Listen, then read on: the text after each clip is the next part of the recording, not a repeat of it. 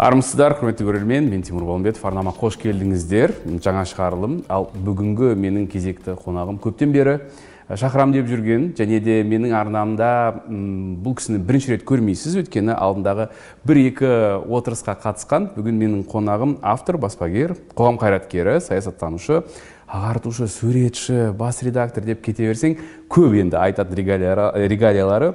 Қонағым бақытжан бұқарбай. Қош келдіңіз бақытжан. Саламатсыз ба?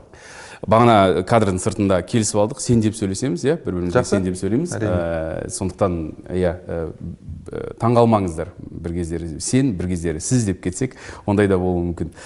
Бақытжан ә, ең алдында сен туралы мен негізі ә, саша деген досым бар александр шинкаренко. Саша өзі дәрігер ә, ұлты орыс болса да қазақ тілін меңгеріп жүрген және де бас қосуға барып жүрген. Бас қосудың сонау бас қосу бар кездері естігенмін алғаш рет осындай екі жігіт ашты деп.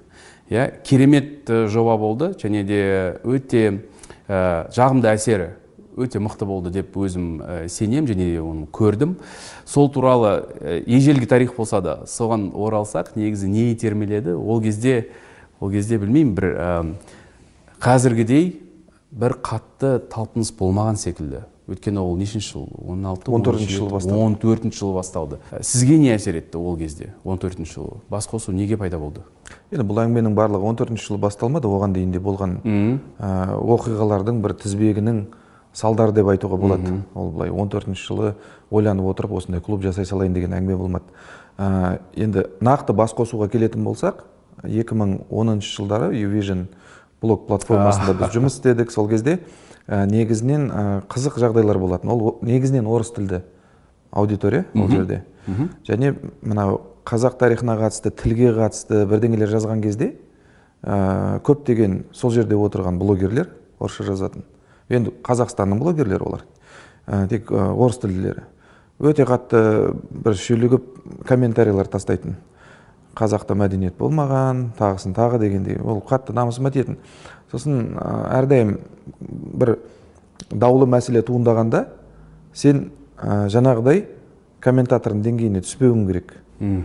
Жоқ деп ана жерде оған бір жаман сен оңбағансың деп жазғаннан гөрі одан гөрі энергияңды позитивті бағытта жұмсаған дұрыс деп ойлаймын да өзім. Сөйтіп мен ә, қазақ қолымнан не келеді? Қысқа аралықта негізгі жұмыстарыма оқуыма жұмысыма кедергісін тигізбейтіндей не істей аламын деп ойладым. Сөйтіп мен қазақтың мақал мәтелдері арқылы қазақ мәдениетін көрсеткім келді. Сөйтіп ол оңай нәрсе ғой күнде бір мақалды аласың. Сөйтіп кішігірім сөздік жазасың. Мысалға қасқырдың аузы жесе де қан жемесе, ә, жемесе де қан дейді.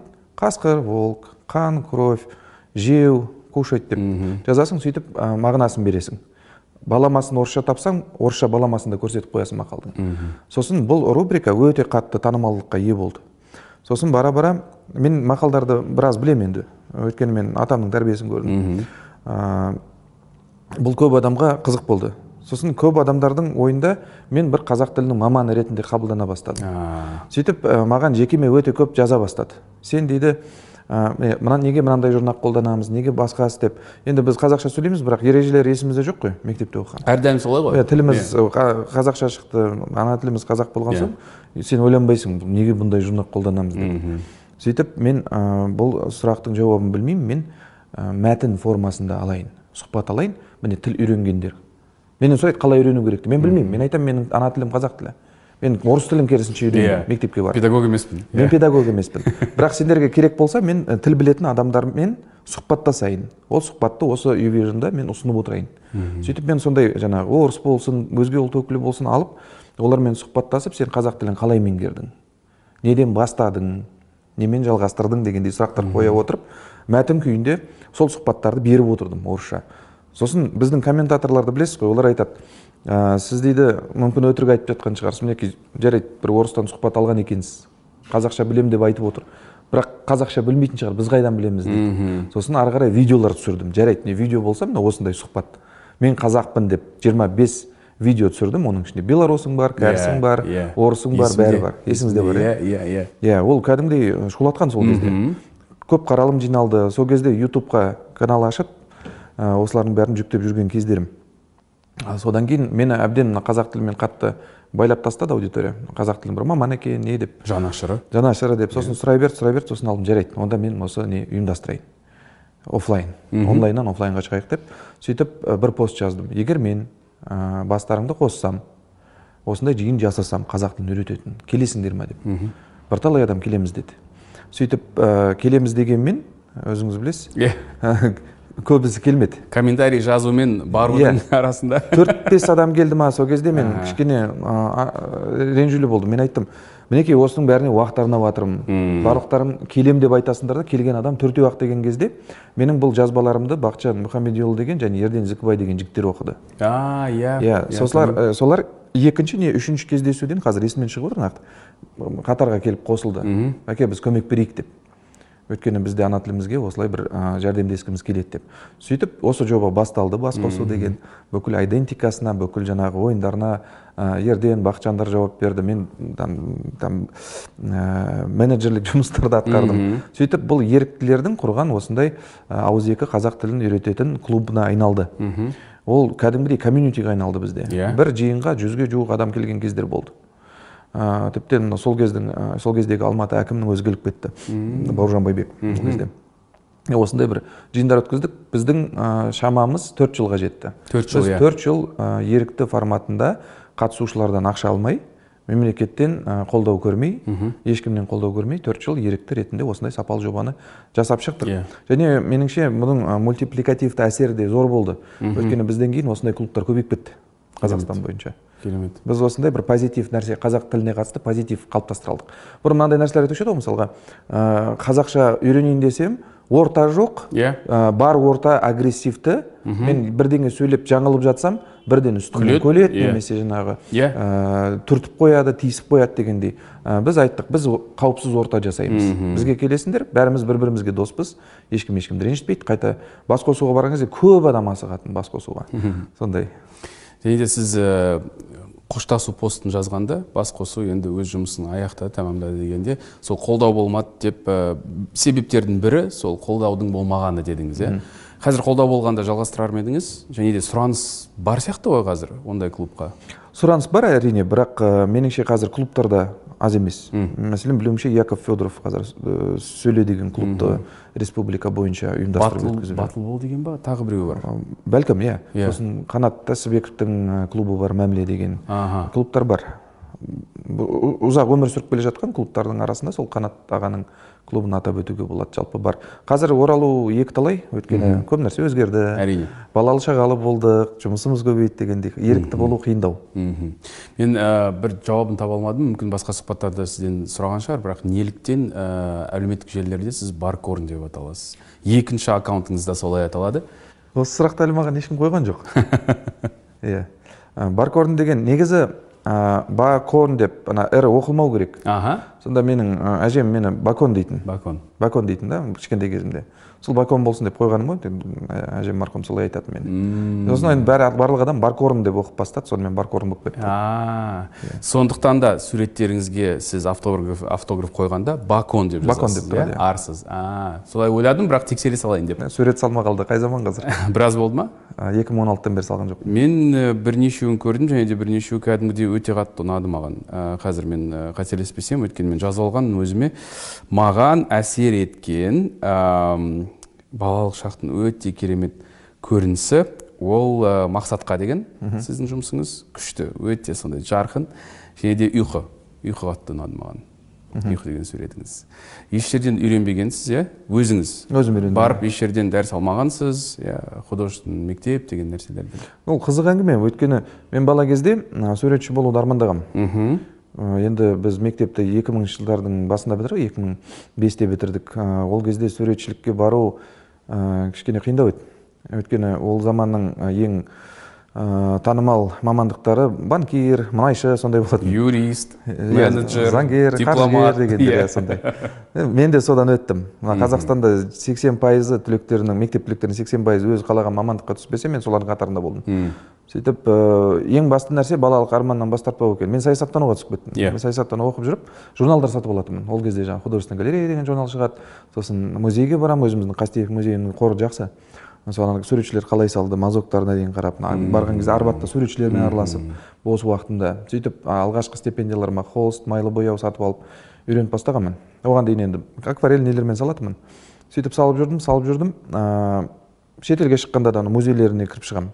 Бірталай ә, топ онға кіретін ә, бейнелеу өнеріне қатысты музейлерде болдым. Прадо сияқты немесе лондондағы галерея кете береді. Ә, енді ә, сонда мына жақта сабағым мамандығым саясаттану. Бірақ сурет салу өзіме ұнайды. Бірақ салған дүниеңді желіге салудан ә, бас тартасың ұяласың өйткені қалай қабылдайды. Иә. менде академиялық білім жоқ дегендей сыншыл көп қой тағы оның үстіне. Сыншыл көп сосын өзіңе сенімің болмайды. Өйткені сен суретшілердің ортасында жүрген жоқсың. Иә.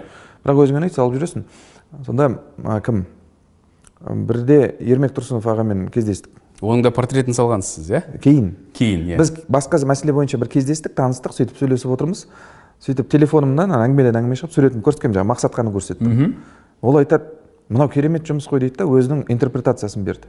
Сен ә, мынау түркілердің ұғымындағы үш дүниені көрсетіпсің жаңағы мынандай мынандай деп соны жаңағы дүниенің алма кезектігін айналымын бәрін көрсеткенсің дейді да. Мәссаған мен айтамын аға деймін сіз ойламаған тереңдік иә мен айтамын аға мен ондай нәрсені ойлаған да жоқпын деймін да мен басқа нәрсені бейнелегім келді Иә. саған оның ойланудың да қажеті жоқ өйткені қаныңда бар деді сосын ә, енді ермек ағадан ә, ол кезде әзірде танымал ғой ол кісі. Ана кинолары ол кезде жаңағы шал шығып жатыр өте сондай бір танымал болып тұрған. Ондай кісіден жаңағыдай нәрсе естіген бәрібір де өзіңе сенімді күшейтеді да. Сөйтіп жүргенде бір кездейсоқ ә, жағдай болды. Ана су деген картинам бар менің. Ә, айсұлу әзімбаева. Бейнеледім сосын. Ана досым бар. Иә. таныс жігіт ана бақыт деген араласып жүрген. Соны комментарийге жазды ол суреттің астына сіз инстаграмға салғанда мен мына мына жақта жатқан деп. А, иә?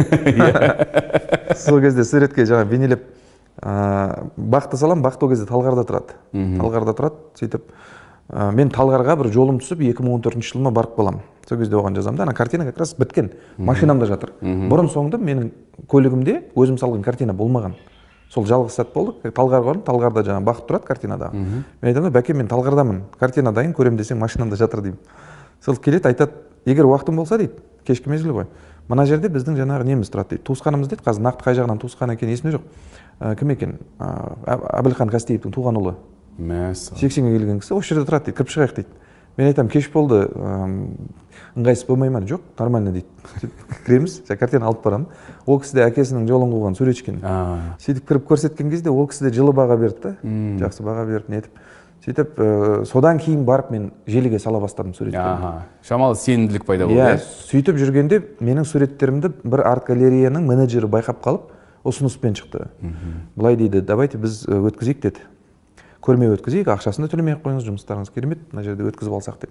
Сөйтіп өз есебінен өткізіп 2014 жылы алғашқы менің көрмем өткен суретші ретінде содан кейін барып келесі жылы тағы бір көрмем өтті. Графикалық жұмыстар көрмесі болды. Бір ә, команда шығып жаңағы көмірмен жаңағы шұбаркөл ә, кен орнының 30 жылдығы болады. Сен көмірмен көмір карандашпен саласың. Сол бір енді байланыстырайық иә байланыстырайық дейді мен Иә. айтамын ол екеуі екі түрлі көмір ғой деймін. Шұбаркөлдікі өртейтін көмір. Мынау ағаш жаңағы ағашты күйдіріп карандаш жасайды. Мейлі енді көмірінің аты көмір Иә. сөйтіп бір көрме жасайық деп идеямен шықты. Сол картиналарды жаңағы графикалық жұмыстардың көрмесі өтті үш қалада 2015 жылы. И ол картиналарды кейін сатып алды. Бір компания. Соның кейбір бөлігі кейін естідім люксембургқа кетіп қалды деді. Мәссаған. Люксембург мемлекетіне. Біраздан бері ә, салмадым дедіңіз жаңа суреттер жоқ дедіңіз неге олай? Енді күтпеген жерден балалық арманым тез орындалып қойды ғой. Мен бір көрме берсем деген Иә. сосын ары қарай ә, суретпен шұғылдану көп табыс әкелмейді ғой сосын. Әрине, иә. мынадай мәселе да енді танымал суретші болсаң әкеледі. Мен ә, бір танымал суретші емеспін. Балалық арманның ә, арманның жетегінде жүрген адам ғой. Ә, академиялық білімі бар адам бәрібір де ол тезірек салады біледі. Мен керек нәрсені тауып алу үшін мысалы композиция болсын немесе жаңағы адамның ә, тұрысы болсын көп уақыт жұмсаймын. Көп уақыт кетіп қалады да. Сосын бала шағаң бар басқасы бар. Сосын мен 16 жылы соңғы рет сурет салдым есімде бол содан кейін мен баспагерлікке кетіп қалдым. Түсінген болсам сіз ішкі бір гештальтты жапқан сияқтысыз иә? Иә. сурет салуға байланысты. Мынандай сұрақ қоятынмын өзіме. Мінекей мен өзім қаламаған мамандыққа түстім. Иә. алты жыл оқыдым. Мамандығым бойынша үш жыл жұмыс істедім. Тоғыз жылым жас пен көздің арасында өтіп кетті. Ертең мен алпысқа келемін жетпіске келемін сексенге келемін не сол кезде бір қандай өкінішім болуы мүмкін? Осы нәрсені орындамағаным үшін өкінуім мүмкін деп ойлайтынмын. Өкініп өмір сүрген өзіме ұнамайды. Сосын мен осыны қалай болса да деп үйреніп жүрмін. Көрдіңіз көріп тұрсыз ғой. Бір өзі сәтімен келіп жаңағы екі көрме қатарынан өтті. Керемет өте керемет ә, жетістік. Бір шын деп айтуға болады. Өйткені ә, өзіңіз айтқандай кәсіби маман емессіз бұл салада кәсіби суретші емессіз соның өзінде люксембург. Тамаша құттықтаймын. Өте керемет. Ә, жаңа айтып кеттім ә, александрдан естідім сіз туралы бас қосу кезінде бірақ танысқан ә, сәтіміз біздің сіз ә, сен маған күміс кітапты табыстаған кезің. Ол кезде баспагер болып жұмыс бастадың бірінші кітап күміс кітап. Және де ол кезде сөздің шыны керек біраздан бері мен басынан аяғына дейін оқыған қазақ тіліндегі кітабым. Ол үшін көп рахмет. Ә, керемет туынды болды. Мен демалысқа бардым басқа бір шетелге сол пляжда жатып оқыдым. Өте жақсы әсер алдым иә. Ә, саясаттанушы қалай баспагер болады? Ішкі процесс өте қызық маған енді мен саясаттанушы ретінде де әлі де ар арасында иә.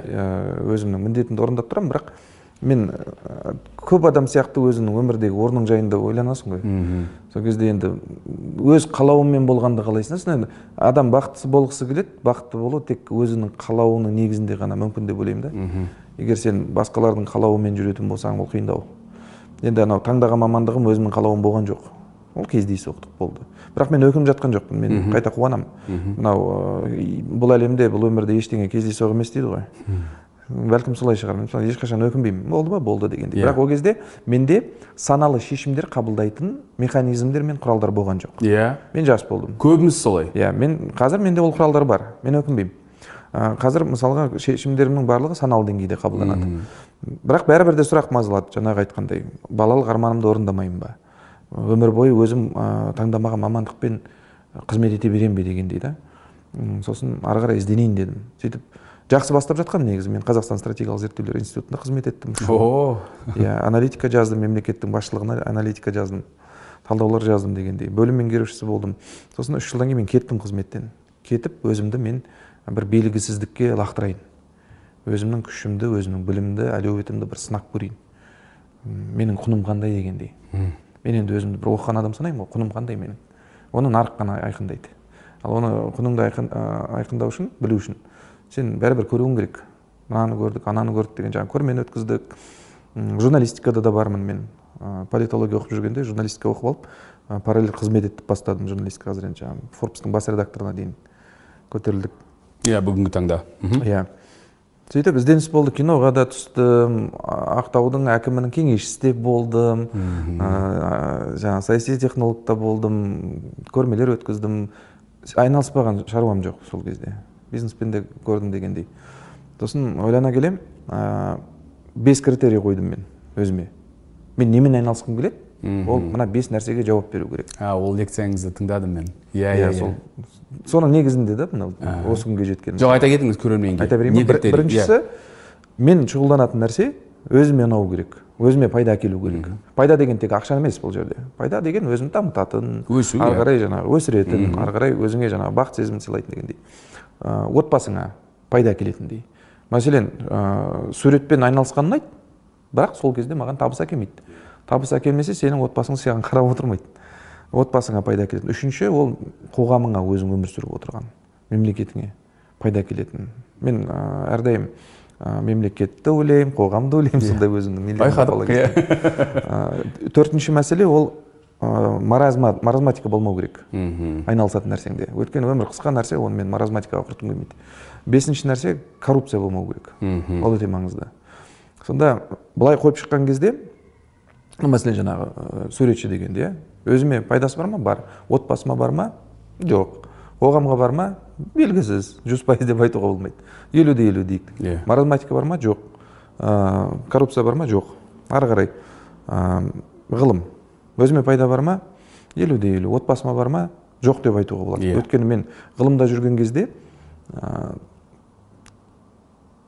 қалай деп айтсам болады. Түсте жаңағы бич пакет жейміз. Иә. Түскі асқа. Айлығымыз төмен бізден жүргізушілер көп болатын. А кеште мен таксовкамен айналысатынмын мхм.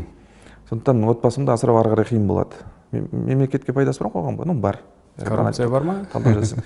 Мен жұмыс істеген жерде коррупция жоқ ғылыми ортада. жақсы. Менің позициямда коррупция болмады маразматика бір жиырма проценттей бәрібір ғылымда ана төбеден тапсырмалар келеді нетеді мысалға бір насихаттау мәселесі Иә. бірдеңе Иә. бірдеңе дегендей. Бірақ жақсы болды сонда да жақсы тәжірибе. Бірақ жеткіліксіз. Мен кішкене перфекционист тұрғыда қарадым. Сөйтіп бәрін қойып келген кезде ә, ешқайсысы шақ келмейтінін түсіндім.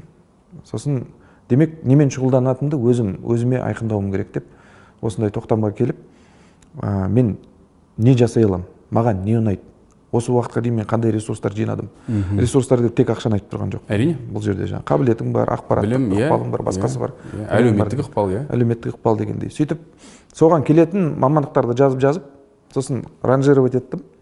Ә, репрезентативтік бойынша. Қайсысы көбірек келеді деп. Сонда баспагер ғана қалды ғой сызып тастағанда нағыз анализ жасадыңыз иә иә? анализбен терең анализ. Баспагерген рахаттанып жатырмын мысалға? Өзіме ұнайды міне Иә. мына жаңағы критерий қойсақ пайдасы бар ма өзіме? Бар. Жан жақты өсіріп жатыр. Отбасыма бар ма? Бар. Асырап отырмын. Қоғамға бар ма? Бар. Өйткені рөлдік модель қалыптасты. Бізден кейін қанша қаншама адам баспагерлік жолға түсті. Кітаптар көбейді қазақ тілінде. Қоғамға импакт өте зор. Ә, маразм бар ма? Жоқ. Өйткені өзім айналысамын енді өзім айналысқан соң маразм қалыптастырмаймын коррупция бар ма? Жоқ. Өйткені біз мемлекеттік тапсырыста жоқпыз. Біз Иә. нарықтық ережелермен жұмыс істейміз. Мхм баспаңызды ә, амаль букс деп қойдыңыз. Амал букс амал. Иә. Бір бір жерден амаль деп қал- көріп қалдым сөйтіп қалып қойды есімде. Амал ә, неге амал? Енді атауын біраз іздедім. Өйткені нейминг өте маңызды ғой. Иә әрине. Сонда ә, бұл атауды бірінші кітап. Баспаның атауынсыз жарық көрді күміс кітап ең алғашқы басылымы. Ә, кейін атау таңдаған кезде ғана көрсете бастадық. Ә, амал деген ол жақсы сөз ғой. Мәселен ә, бір амал әрекет дегендей бір әрекет жақсы көремін да өзім. Құр кітап оқып алып қиялдағаннан гөрі сен шығаратын кітап адамды бір әрекетке итермелесе деген ниет қой. Бір амал жасауға итермелесе. Сонда ә, сосын тағы екінші себебі бұл атау ойыма келгенде сәуірдің басы болатын. Амал айы ғой енді. Мм, амал айы. Сосын амал букс деп қойдым. Аха тамаша тамаша. Ә, он алтыншы жылдан бастап ә, кірістіңіз жұмысыңызға және де біраз кітап шықты. Бүгінгі таңда отыз шақты ма? Қырыққа жақындады. иә ә, жиырма бірінші жылы сізден ең жақсы сатылған кітаптар ә, қайсысы деп сұрағанда күміс кітап дедіңіз және аспан тау асқан ә, үркін көш деп айттыңыз. Бүгінгі таңда олардан асқан жаңа кітаптар бар ма сатылым бойынша? Бізде осы жақында ғана қосылған кітаптар бар. Жақында алаш демократиясы ә, мына жақта бар. Бұл кітап туралы кейін сөйлесеміз және де мүмкін мүмкін сіздің қолыңызда болар бұл кітап. Кейін көреміз көреміз иә. Иә сосын мұхамеджан тынышбаевтың жиырма бесінші жылғы кітабын қайта басып шығардық. История казахского народа деп қойдық атауын. Және марғұлан сейсенбай туралы кітап жазып шығардым. осы үш кітап қазір жылдың соңына қарай жақсы көрсеткіштерге жетіп жетеді деп ойлаймын. Қазіргі динамикасы жақсы өйткені енді ертеректе шыққан кітаптарды алатын болса жаңа өзің атап өткен ә, великий исход казахов бар күміс кітап бар дегендей. Бірақ мына биылғы кітаптар ә, басы бұзатын сияқты. Аха. Қарқыны өте жақсы. Аха. Ә, марғұлан мырзаның кітабы бизнес пен өмір деп өмірі жайлы да? Иә бизнес пен өмір туралы деп. Туралы иә деп аталады. Ә, 2017-тен бастап дайындыққа кірістім деп айттың. Иә біраз дайындалдың. Осы биыл ғана шықты. Бес жыл. Бес жылдан да көбірек бес жылдан да көп па? Неге олай неге ұзақ? Кейбір кітаптар тезірек шығатын сияқты. Ә, енді біз сенің кітаптарыңды айтып отырмын. Иә. иә. Марғұлан ағамен жұмыс істегенде ол ә, былай бір екі айда ол кісіні сарқып болу мүмкін емес білімін бәрібір қасында жүресің түсінесің бақылайсың қадағалайсың дегендей. Алғашқы үш жылдай қасында жаңағы сапарларда болдым экспедицияда болдым балқашта бірге болдық сол жанында жүріп диктофонға біраз нәрсесін айтқандарын жазып алдым дегендей. Сосын қазір енді сұхбаттар өте көп. Ол кезде сұхбаттар енді енді қарқын алып жатқан сол сұхбаттарында айтқан бірге жаңағы киевте болғанда да шарасына қатыстым. Сол жерде ана биг мани форумға қатысты мына жерде болған форумдар бәріне қатысып жазып сол ақпараттың бәрін өңдеп сосын ол кісі де ә, түбегейлі қарайды ғой мәселеге. Мысалға әлі асықпай тұрайық мынаны тағы бір ә, тереңдеп көрейік деп сөйтіп сөйтіп. Бұл енді кітап жазған кезде ә, мінекей жарты жылдық өмірі бар кітап емес қой. Ертең он жылдан кейін де бұл кітап өзінің өзектілігін жойылмасын деген ниетпен жазылды да. Сондықтан асықпай шығарған жөн деп ойладық. Сосын тағы арасында бір жылым болды. Мысалы отбасылық жағдайларға байланысты бір жылдай мен араласа алмай қалдым жұмысқа М, мінекей сөйтіп сәл созылып кетті. Бірақ ә, нәтижеге жеттік қой ең бастысы. Ә, кітап шықты. Кітап шығып қазір қазақ оқырманына ә, жетіп жатыр. Және мынау бизнес тұлғалық дамуға қатысты жазылған кітаптардың ішінде бұл үлкен бір межені бұзып алдық та сол кітаппен. Кітаптың құны қанша? Бүгінгі таңда меломан дүкенінде тоғыз мың бес жүз тұрады. тоғыз мың тоғыз мың бес жүз иә өйткені енді көп адам айтады неге қымбат дейді. Біріншіден қағаз қымбаттап кетті соғыс басталғалы бері. көп адам көп адам ойлайды тоғыз жарым мыңға сатылса ол тоғыз жарым баспагердің қалтасына түседі деп. Шын мәнінде олай емес. Біздің маржаларымыз баспа бизнесінде төмен. Басу құны көп жейді. Өйткені сосын кітап түрлі түсті басылды. Ол әдетте біріншіден қағаз қымбат екіншіден түрлі түсті қылып басатын болсаң ол тағы жай қара жаңа қара ала басылғаннан екі есе қымбат болады. Ә, сосын дүкеннің өзінің үстеме құны болады. Иә. Yeah. өзің төлейтін салығың болады. Соларды есептеген кезде саған қалатын ақша көп емес. Марғұлан мырза қанша пайызын алады? Құқық толығымен өзімізде баспамызда. А сонда қанша сатсаңыз да ол кісі иә қаржы оған түспейді. Марғұлан аға айтты бұл жобаны өздерің алып саған беремін деп маған берді. Керемет. Ә, осы менің арнамда ютуб арнамда ә, көрерменнің ерекше бір ә, ықыласына бөленген сұхбаттардың бірі жоқ екі сұхбат. Өйткені ол кісі екі сұхбат берді. Оразақ смағұл атамыз иә. абыз ақсақалымыз. Ә, және де ә, оның жазған кітабында қазақтың айбарлы диссиденті амал кісі шығарды. Иә біз шығардық оны иә керемет жұмыс. Және тек қана әрине әрине жазған айтып берген оқиғасы тұлғасы тамаша. Бірақ тактильді тұрғыда жаңағы кітапты қолда ұстап әр әр парағы деген не деген керемет не деген тамаша жұмыс. Ол да арзан жұмыс емес. Негізі атамызбен қалай таныстыңыз? Ол ол жоба қалай туындады негізі? Атамызбен енді атамызды былай сырттан білеміз ғой. Сұхбатын оқимыз бәрібір өзім ғылымда жүрген соң. Yeah. бірақ ол тарихшы болмасам да немесе жаңағы антрополог болмасам да бұл кісіні ғалымдар енді бір бірін біледі ғой. Сұхбаттан көріп қаласың оқып қаласың. Сосын кейбір кездері анау айтқан сөздері әлеуметтік желілерде жүретін ол кісінің сол кездердің өзінде. Сөйтіп сырттан білетінбіз сосын мына кітап шығатын кезде балалары хабарласып осы жаңағы атамен байланыстырды. Ата өзінің жаңағы досы жайында yeah. шығарды. Махмет қалмағанбет деген қазақтың диссиденті қуғын сүргінге ұшыраған әйтеуір небір неше түрлі қорлықты көрген совет заманында. Сөйтіп ары қарай европада тұрған кісі ғой. Соның ә, қайтыс болып кеткен досының бүкіл фото архиві хаттары ә, алғыс хаттары барлығын мынандай бір пакетпен берді. Осыдан кітап жинап беру керек деп. Сөйтіп кітап қылып шығардық. Енді біз барымызды салдық қой үлкен махаббатпен шығардық ананы архив сияқты. Әлі күнге дейін біздің ең үздік беттеген кітабымыз деп санаймыз өзіміз. Өйткені одан кейін негізінен біздің шығаратын кітаптар тек мәтін мәтін ғой. Мәтін мәтінмен байланысты. Ана жерде хаттар бар оны қалай yeah. көрсету керек? yeah. оның құжаттары бар оның жаңағы еңбек кітапшалары бар. Тіптен қағаздардың ішінде ақш президенті билл клинтоннан келген құттықтауы болды менде қолтаңбасымен билл клинтонның солардың бәрін қалай көрсету керек ол ізденіс қой үлкен. Сөйтіп ізденіп ізденіп жаңағыдай кітап шығардық. Біз тіптен ойлаған едік бәлкім анау көрмелерге жібереміз ба халықаралық деп бірақ пандемия болып кетті. Иә. Қалып қойды мен оқып шықтым керемет. Маған да қызы табыстады. Ә, кейін атаның өзімен де таныстым. Жаңа айтқандай сұхбат жүргіздік және де ол кісі енді ә, онан сұхбат ала беру керек ала беру керек және де ала беру керек үлгеріп қалу керек. Өйткені айтары көп көргені мол керемет кісі. Оразақ атаның ә, маған қатты әсер еткен ә, сөздерінің бірі әрбір адамның мына ішінде көптеген ғұламалардан естіген қағидалар бар ғой. Өзінің қағидаң айналатын. Оразақ атаның бір жақсы сөзі бар. Мынау қазақ дейді ашаршылық көрмегенде басынан ашаршылықты зұлматты өткермегенде қазір санымыз алпыс миллионға жуықтаушы еді дейді. иә, иә. сонда айтады қазір дейді қазақ бес қазақтың арманын арқалап келе жатыр дейді. Қазір енді біз 12 миллионбыз ғой. Әрбір қазақ тірі қазақ қазір. Сен барсың мен бармын. Бес қазақтың арманын арқалап келе жатыр. Бес қазақтай бақытты болу керек және бес қазақтай жұмыс істеу керек деген сөзін айтты маған. Иә оқыдым оны. Ол рас. Жанкешті жұмыс істеу керек қазір. Қырыққа жуық кітаптың арасынан біреуін ғана оқуға кеңес бер десе қайсысын айтар едіңіз? Бәрін. біреуін таңдау керек. Біреуін ба? Міндетті түрде осы кітапты оқып шығу керексіз десе. Енді мәселе былай ғой. Өзімнің кітабымнан басталды мысалы. Күміс кітаптан басталды бүкіл баспа мәселесі. Автор ретінде. Автор иә. ретінде. Бірақ өзімнің кітабымды айтайын десем біз ахмет кенесары ұлының кітабын да шығардық ол кенесарының туған ұлы. Әкесі мен ағасы ол рухы мықты кітап. Ол кітапты айтайын десем мында тынышбаевтың кітабы бар. Өте қиын сұрақ мынау. Иә жақсы. Өзіңнің бір кітабың және де басқа автордың бір кітабы болса? Енді күміс кітап өмірімдегі ерекше кітап қой өйткені ә, өзінің өмірін сүріп жатыр. Қазір оған жарнама да жасамаймыз. Әйтеуір оқушыларға жетіп жатыр студенттерге жетіп жатыр. Олар жарыстар ұйымдастырады. Осы кітапты оқып ары қарай ә, кітап оқуға салынып кетіп жатыр құштарлығы оянып.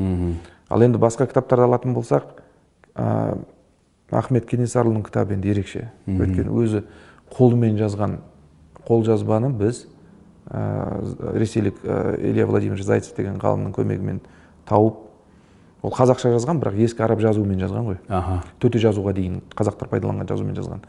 Соның барлығын біз кирилл қарпіне түсірдік. Сөйтіп біз автордың нақышын қалдырдық.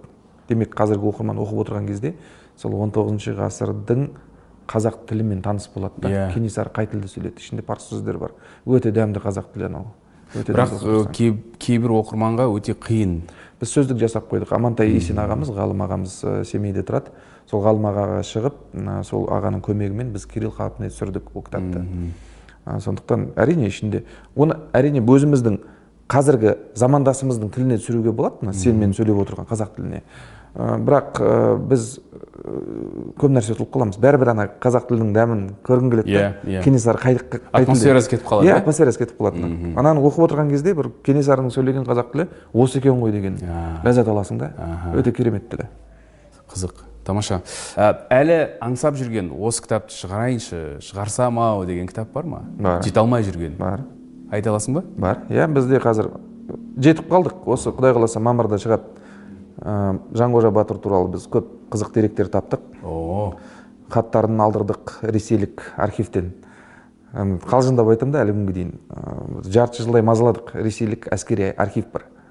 Сол жерде хаты бар да. Жарты жылдай қайта қайта сұрап қайта қайта сұрап. Енді күлетін нәрсе емес соғыс болып жатыр. Бірақ десе де қолдан келгенше кедергі жасадық ресей әскерилеріне соғысуға. Ол үшін рахмет иә сөйтіп ақыры жіберді ана хатының көшірмесін. Олар енді бір қайдағы бір қазақтың деп енді олар солай қабылдайды ғой. Хатын іздегенше ана жақта соғыс қиын болып жатыр быт шыт болып жатыр. Бірақ осындай жұмыстармен де айналыстық сол біздің көрерменге хаттың құндылығын түсіндіріп берсең. Енді 1847 жылы болған жанқожа батыр арасымен жаңағы ресейлік әкімшілік арасындағы хат алмасу процесі. Сосын жаңағы толғаудың қолжазбасын илья владимирович зайцев ғалымның арқасында та- тауып қолданып жатырмыз. Бұл ресейдің отарлау саясаты жүрді ғой мына сыр өңіріне келіп.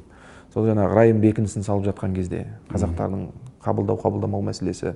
Сосын мына жақта хиуа хандығы бар. Олар да осы жаңағы сыр өңіріне оңтүстікке қоқан бар мына оңтүстік біздің жерлер деп.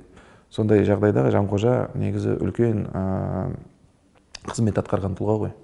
Сондықтан осының бәрін біз жинақтадық. Басты аудиториясы кім болады деп ойлайсың бұл кітаптың? Басты аудиториясы біздің өзіміздің тарихымызға өткенімізге қызыққан адамдардың баршасы деп ойлаймын.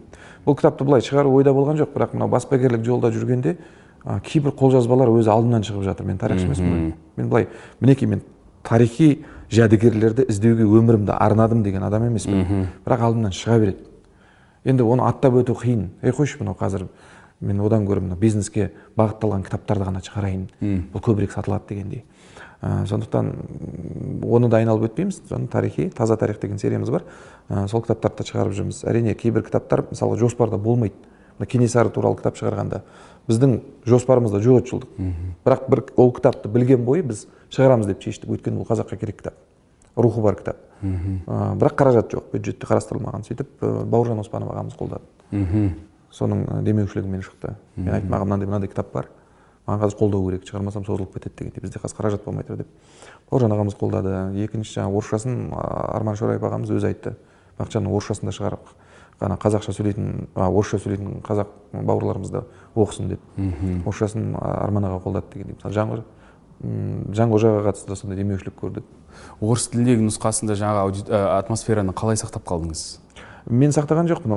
Ол негізі былай болған. Міне қолжазба жазылды. Иә. Қолжазба жазылған соң ә, смирнов деген кісі оны орысшаға аударады. 1889-да ол ташкентте басылып шыққан. Иә басылып шыққан орысша. Бірақ ол кезде патша империясының ә, цензурасы бар. Сосын адами фактор бар кейбір сандарды дұрыс бермеген. Тіптен ана есімім бұрмалап сыздық дейді. Сыдық та түпнұсқада мысалы сандардан жаңылған елді мекендерден жаңылған. Сол түпнұсқаны сақтай отырып цензураның бәрін алып тастап қайтадан қойып жаңағы бір екі үш жер аударылмай қалған немесе басқаша аударылған соның бәрін қалпына келтіріп. Мысалға бірінші тарау былай дейді. Первоначальная деятельность кенесары дейді да орысшасында мың сегіз жүз сексен тоғызда. Қазақшасында ә, кенесары ханның орусия дәулетімен ә, соғысқаны туралы дейді то есть о том как кенесары хан воевал с русским государством с российским государством мысалға. Вот цензура бойынша оны басқаша берген. Иә иә иә. Соның бәрін қалпына келтіріп өзінің жаңағы стилистикасын сөйтіп. Бүкпесіз бердік. Жанғожа батыр туралы кітап осы мамырда құдай қаласа шығады. Мамырда бізде бүкіл құжаттар дайын тұр тамаша. Екі жыл ізденіп жаңағы сұрап архивтардан тамаша Ә, дүкенге кіріп оны кітап ә, сөресінде көріп қалған жастарға ә, бұл кітап не үшін оқу керек деп ә, сұрасам қалай түсіндіріп бересің? Ну, ол оған келетін болсақ мынау қазір біздің өмір сүріп жатқан жеріміз бізге тегін келмегенін түсіну үшін керек. Өйткені біз қазір өзіміздің жерімізде өмір сүріп жатырмыз да. Өзіміз енді қалай десе де тәуелсізбіз ғой. Картада. Картада орнымыз бар мемлекеттік ана халықаралық ұйымдардың мүшесіміз. Өзіміз әйтеуір еркін жүріп тұра аламыз өзіміздің қалағанымызды істей аламыз біреудің боданы емеспіз. Экономикалық тәуелді болсақ та мәселен. Сондай бір нелеріміз бар әлі. Сол соның құнын білу үшін. Бұның құны өте жоғары. Мынандай аталарымыз болған. Ол аталарымыз кезінде ә, дипломатия ойнаған жерде дипломатия жүрген жерде дипломатиямен дипломатия жүрмеген жерде қарудың күшімен осының бәрін сақтады деп. Бұл енді қияли нәрсе емес бұл кәдімгі деректер. мен өзім қияли нәрсені ұнатпаймын. Анандай мысалға ана батыр болыпты батыр жерге найзасын сүйрегенде бұлақ шығатын болған дегендей нәрселерді өзім ұнатпаймын. Мистика. Қазақтың жаңағы ауыз екі әдебиеті бар ғой. Ауыздан ауызға беріліп Иә. отыратын. Соны есте сақтау үшін бәлкім сондай метафоралар қолданған шығар. Мен көбінесе мына деректермен жұмыс істегенді жақсы көремін. Хаттар бар деректер бар. Жазылған дүниелер бар қағазға түскен дүниелер бар. Ресей империясына да сол тұрғыдан рахмет айту керек та бәрін жазып отырған ресей. Ол болмаса оны да білмейміз. Иә. Сосын ана журналдарда жанқожа батыр туралы сол кездің империя кезінің журналдарында көп материалдар шыққан анчиковтың материалы веселовскийдің жаңағы жинағында бар жанқожа батыр туралы олар да батыр ма? Батыр екенін мойындап жазады да. Мхм. Сондай бір не бар? Бәрібір офицерлік бізге көрсетпесе де иә. Жоқ жоқ ол жариялы болған просто ол кезде қазақтар оқып білмейді да оны көбісі. Олар шығарып нетіп отырған. Сосын бізге мынау совет заманында былай айтты ғой добровольное присоединение там казахских земель к россии.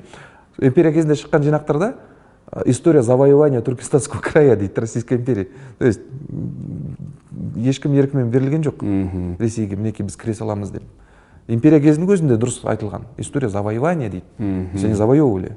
Бізді жаулап алды басып алды отарлап алды. Біз өз еркімізбен берілмедік ол совет пропагандасы. Міне осындай нәрселерді білу үшін де маңызды сондай кітаптарды оқыған. Керемет. Күтеміз күтеміз. Тезірек шықсын. Құдай қаласа.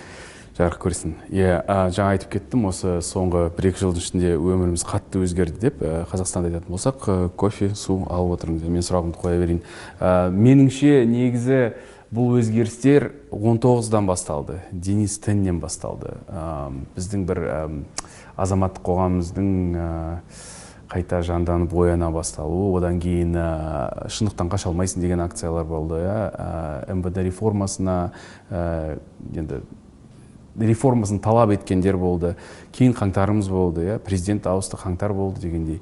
Қаңтар болғаннан кейін барлығымызда бір эйфория болды эйфория болды. Сондай бір қалыпта жүрдік. Ең ең бірінші үндеу естігенімізде әсіресе қазіргі таңда қазақстан азаматы баспагер ағартушы саясаттанушы ретінде қазақстан жаңарды ма өзгерді ма? Сенің пікірің. Ә, 19-дан бұрын деп айтса да болатын шығар енді. 19 просто денис теннің ә, қаза тапқан ол триггер болды ғой. Триггер. Оған дейін де жиналып келді ғой. Үсенов бар оны ешқайда шығара алмайсың. Иә үсенов бар қазір енді бәрі есіме түспейді.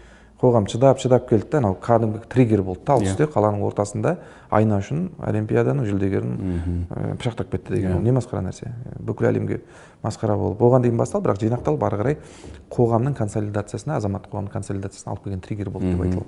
Оған дейін де болды ғой. Ә, әрине қарқынды болмаған шығар. Ал енді өзгерістерге келетін болсақ өкінішке қарай өзгеріс өзгеріс болды деп айта алмаймын. Өзгеріс болды деп айта алмаймын. Өйткені ә, қаңтардан кейін әрине эйфория болды. Ол эйфория бір екі айға дейін созылған шығар. Содан кейін сейіле бастады. Сосын көзіміз жете бастадық бұлар ештеңе өзгертпейді. Мына реформалардың барлығына қатысты келетін болсақ та енді көзі ашық адамдар маман адамдар бәрібір де ә, жүйелі реформалардың болмағанына ә, көзі жетіп отыр. Жүйелі мәселен жаңағы конституцияға толықтыру мен түзетулер енгізген референдумды алатын болған сайлау бірнеше иә, сайлау конституцияны алатын болсақ конституцияға ә, саяси реформаны айқындайтын ә, өзгерістер енген жоқ конституцияға. Әрине мен бұны айтқа- айтқаным өзіме зиян болуы мүмкін мәселен. Мынау өзімнің ойымды ашық айтқаннан бәлкім оқушылармен кездесуге азырақ шақыра бастады мені. Ондай нәрсе бар да? Ол да зиянын тигізеді бірақ қалай біле тұра айтпайсың мынаны? Ішіңде қалай ұстайсың айту керек. Бұрын шақырып тұрады мысалы атырауға шақыр басқа жақ оқушылармен кездесесің кітап оқу маңыздылы айтасың қазір бұл нәрселер азайды. Ә, мен оқушылармен кездескенде саясатты айтпаймын. Мен оқу ма- маңыздылығын айтамын басқа нәрсені айтамын. Онда неге шақырмай қойды онда неге өйткені мен мысалға білмеймін неге шақырмайтынын. Оқушылармен кездесуге шақырмайтын қазір рас. Бұрынғыдай жастармен кездесулерге шақырмайды көп. Әлгі ішкі өзіндік цензура сияқты ғой иә? Алдын ала. Бә- бәлкім солай шығар иә. Иә. мен үлкен- жоғары жақтан бір тапсырма болды деп ойлаймын ол бірақ ішкі цензура болуы мүмкін. Әрине бүйтіп ашық ойыңды жеткізген кезде ол ә, бәрібір де жаңағыдай ә, жолдарыңды саған жауып тастайды.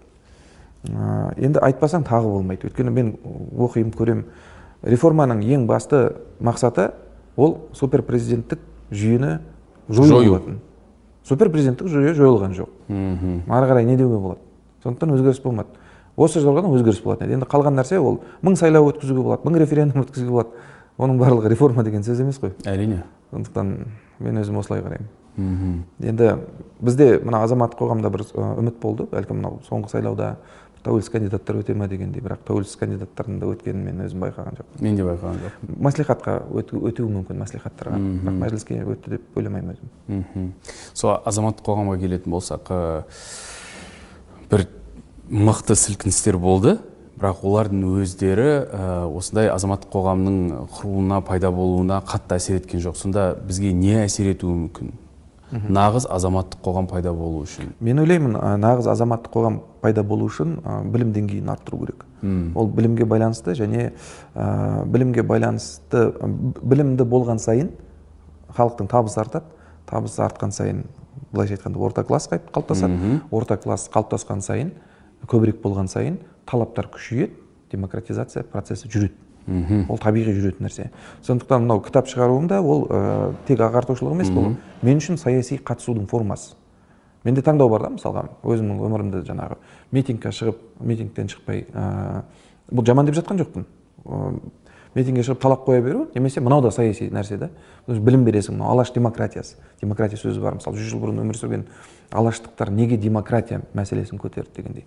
Руслан ақмағамбет деген ә, саясаттанушы әріптесімізбен осы жобаны пысықтап жасадық біз. Қазақ оқырманына беру керек өйткені өзің америкада талай болдың ғой. Америкада мәселен демократияға қатысты кітаптар өте көп. Мынау демократияға төніп тұрған қауіп қатер бірдеңе дегендей. Ютуб каналдар подкасттар радио шоулар өте көп өте көп. Бізде қазақ тілінде бір кітап жоқ та ондай. Демократияның маңыздылығын жалпақ тілмен түсіндіретін. Ал қазір енді өзің былай саясаттанушы ретінде жаза аласың бірақ сенің кітабың өтпеуі мүмкін. Сені танымайды. Демократия тақырыбы мысалы көпті бір толғандырып жүрген мәселе емес. А, бірақ алаш арыстары осы мәселені көтерді. Осыны саясаттанушылық тұрғыдан біз көрсетейік. Бұған дейін біз тек тарих тұрғыдан біліп келдік. Міне алаш арыстарының күресі болды. Ә, олар үкімет құрды. Олар большевиктермен күресті. Содан кейін жаңағы жеңіліп атылып кетті деген тарихи тұрғыдан білеміз. Бірақ енді саясаттанушылық тұрғыдан мен кітап өзім көрген емеспін сондықтан ә, руслан деген бауырым осындай жаңағы идеямен келді пысықтадық. Сөйтіп осы кітапты шығардық. Бұл қазір жақсы кетіп жатыр бұл кітап өйткені нарықта вакуум бұл тақырып. Қазақ тілінде жоқ. Осындай кітаптар көп болу керек. Өзім істеп жүргенде саяси қатысу да менікі. Кітап шығару ағартушылық арқылы. Мен саяси өзімнің ұстанымды кітап шығару арқылы көрсетіп жатырмын. Қоғамның көзін ашу түсінсін процестерді деп. Ол арасында ә, себеп салдар байланысы бар ғой. Мәселен сенің қазіргі мынау бүгінгі жағдайың мәз болмай жатқанның астарында қандай себептер бар? Не үшін болып жатыр дегендей. Ә, сондай мынау жақында осы форбстың сайтында бір мақала шыққан. Ақпарат қабылдау бойынша мынау бір өзі халықаралық бір зерттеулер бойынша критерийлер бар екен.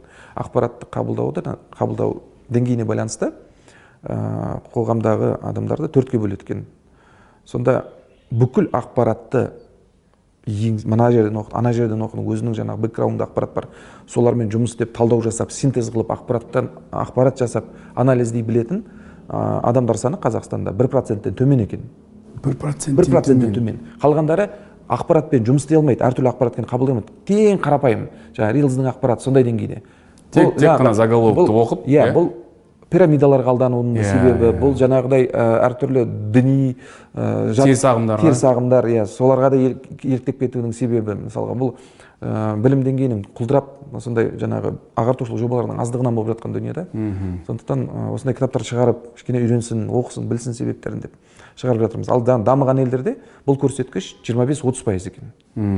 Демек он адамның үшеуі саған айта алады да сен мысалға мінекей ақшам бар пирамидаға салайын деп жатырмын пирамида демейді білмейді ғой міне инвестиция жасайын деп жатыр десе оған айтады үш адам әйтеуір шығады вероятность бойынша сенің мынау істейін деп жатқан дұрыс емес ол пирамида болуы мүмкін сен ұрынып қаласың бізде сонда ондай адам бір процент те шықпайды да он адамның біреуі де шықпайды жоқ оның үстіне сен біреуге айтсаң олар мен де кірейін дейді ғой мен де ала кетші деп сондықтан ә, біз жаңа азаматтық қоғам қалай құрылады білім білімге байланысты барлығы Білім. бүкіл проблеманың түпкі негізі түпкі себебі ол қараңғылық надандық қой былайша айтқанда ол. Абай да айтып кеткен надандық алаш арыстары да айтып кеткен надандық ол надандық жойылған жоқ ол надандық қазақ даласында қазақ хандығы құрылғаннан бері келе жатыр. Мынау этнографияны оқысаң жүз жыл екі жүз жыл бұрын осы қазақ даласына келіп жазып кеткен тарихшылардың Иә. еңбектерін оқысаң да ол надандық бар. Сондықтан қарның ашады да осы қазаққа қалай қызмет етуге болады. Сол білім жолында түсіп осындай ағартушылық жобаларды қолға алып жаңағы бір процентті бес процентке дейін көтерсек те жаман болмайды. Ондай болса дұрыс түсінген болсам онда білімнің білім деңгейінің демократизациялауға тікелей байланысы бар. Тікелей бар. Өйткені білімді адам бәрібір әл ауқаты көбірек болады оның. Иә. Білім, білімге салынған адамның. Білім әл ауқаты бар адам ол ол тәуелсіз бола бастайды.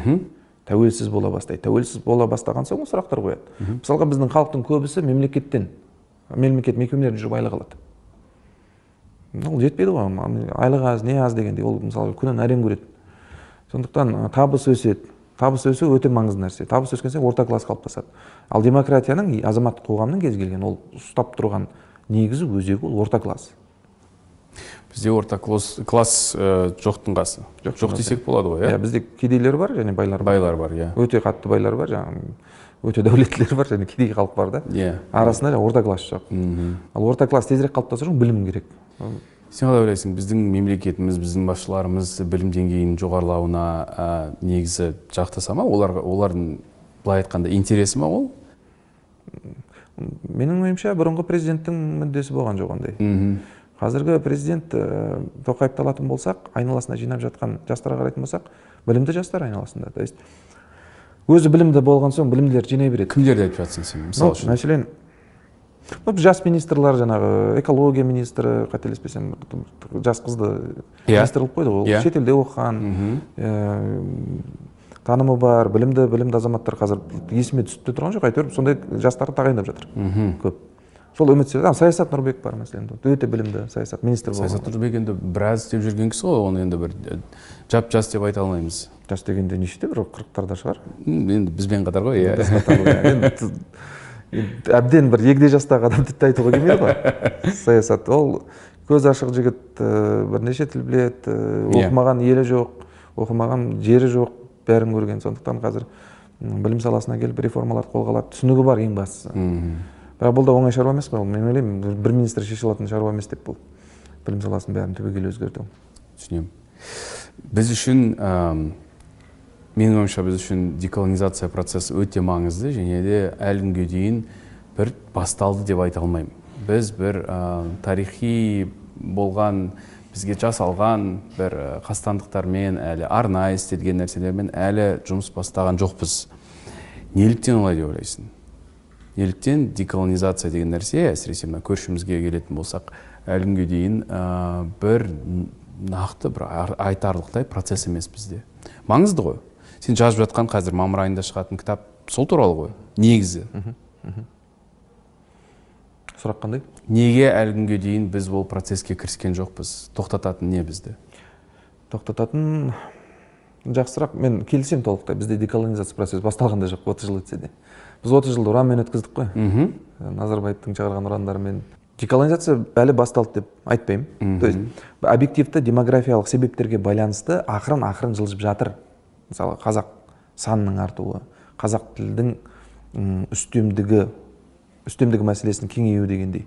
Осының арқасында ақырын әлсін әлсін жүріп жатыр. Бірақ деколонизация болу үшін мынау досым сатпаев жиі айтатындай бәлкім люстрация мәселесі керек шығар сосын мынау геосаяси жағдай. Люстрацияны түсіндіре кетсең. Люстрация ол коммунистердің мұрасымен былайша айтқанда қазіргі процестерге араластырмау иә. амалдарын жасау ғой жалпақ тілмен айтқанда. Коммунистердің мұрасы ол жақсы мұра емес былайша айтқанда. Онымен дұрыс қоғам құра алмаймыз. Сосын геосаяси жағдайдың өзгеруі де маңызды болуы маңызды деп айтуға болады. Өйткені енді ресей ол деколонизацияның жүргеніне мүдделі емес қой. Көршіміз ретінде бұл жерде бәрібір де өзінің ықпалын жасағысы келеді. Бәрімен бәрібір де өзінің жаңағы әсерін жасап отырғысы келеді мына жерге. Сондықтан оның ықпалы әлі де зор. Ақпараттық кеңістік те зор. Тіпті мына кітап саласын өзім жүрген кітап саласын алатын болсақ та қолданыстағы айналымдағы кітаптардың тоқсан пайызы орыс тілінде иә. дүкендердегі. Иә. Вот. Фильтрден өткізілген кітаптар. Фильтрден сосын коррупция бар кедергі жасайтын деколонизациядан өткен қазақстан деколонизациядан өткен қазақ қалай өзгерер еді? Сен өзің неде болдың түркияда болдым бірнеше рет болдым түркияның қазақтарымен кездестің бе жоқ мен алғаш солармен кездескен кезде ә, мыналарда құлдық сана жоқ қазақтар ғой деп қабылдадым да құлдық санасы жоқ аналарда ал мысалы менде құлдық сана болды мысал ретінде түсіндірсең қалай қалай сездің оны құлдық сана деген қазір енді былай нақты мысалдарға ол былай ішкі сезім мәселен биліктен қорқу не? Жоқ жоқ қалай қалай қалай білінеді ол? қорқу бәрібір де кезінде болған шығар. Мысалы өзінің ана тіліңде сөйлейін десең кейбір кездері басымыздан өтті ғой қазір енді бұл жеңіл қабылданады. Он қазақ отырса бір орыс болса орысша сөйлейсің дегендей көп айта берсе. Қазір нақты мысалдар есіме түспей жүр. Мына тұрмыстық жағдайда болатын нәрселер ғой барлығы. Мынау чеховтың бір жақсы сөзі бар маған ұнайтын. Надо раба из себя выдавливать по капле дейді. Әр адам осы жұмысты өзімен жасау керек. Кімдермен қазір менде құлдық сана жоқ деп айта аламын ол үлкен жұмысты қажет етеді.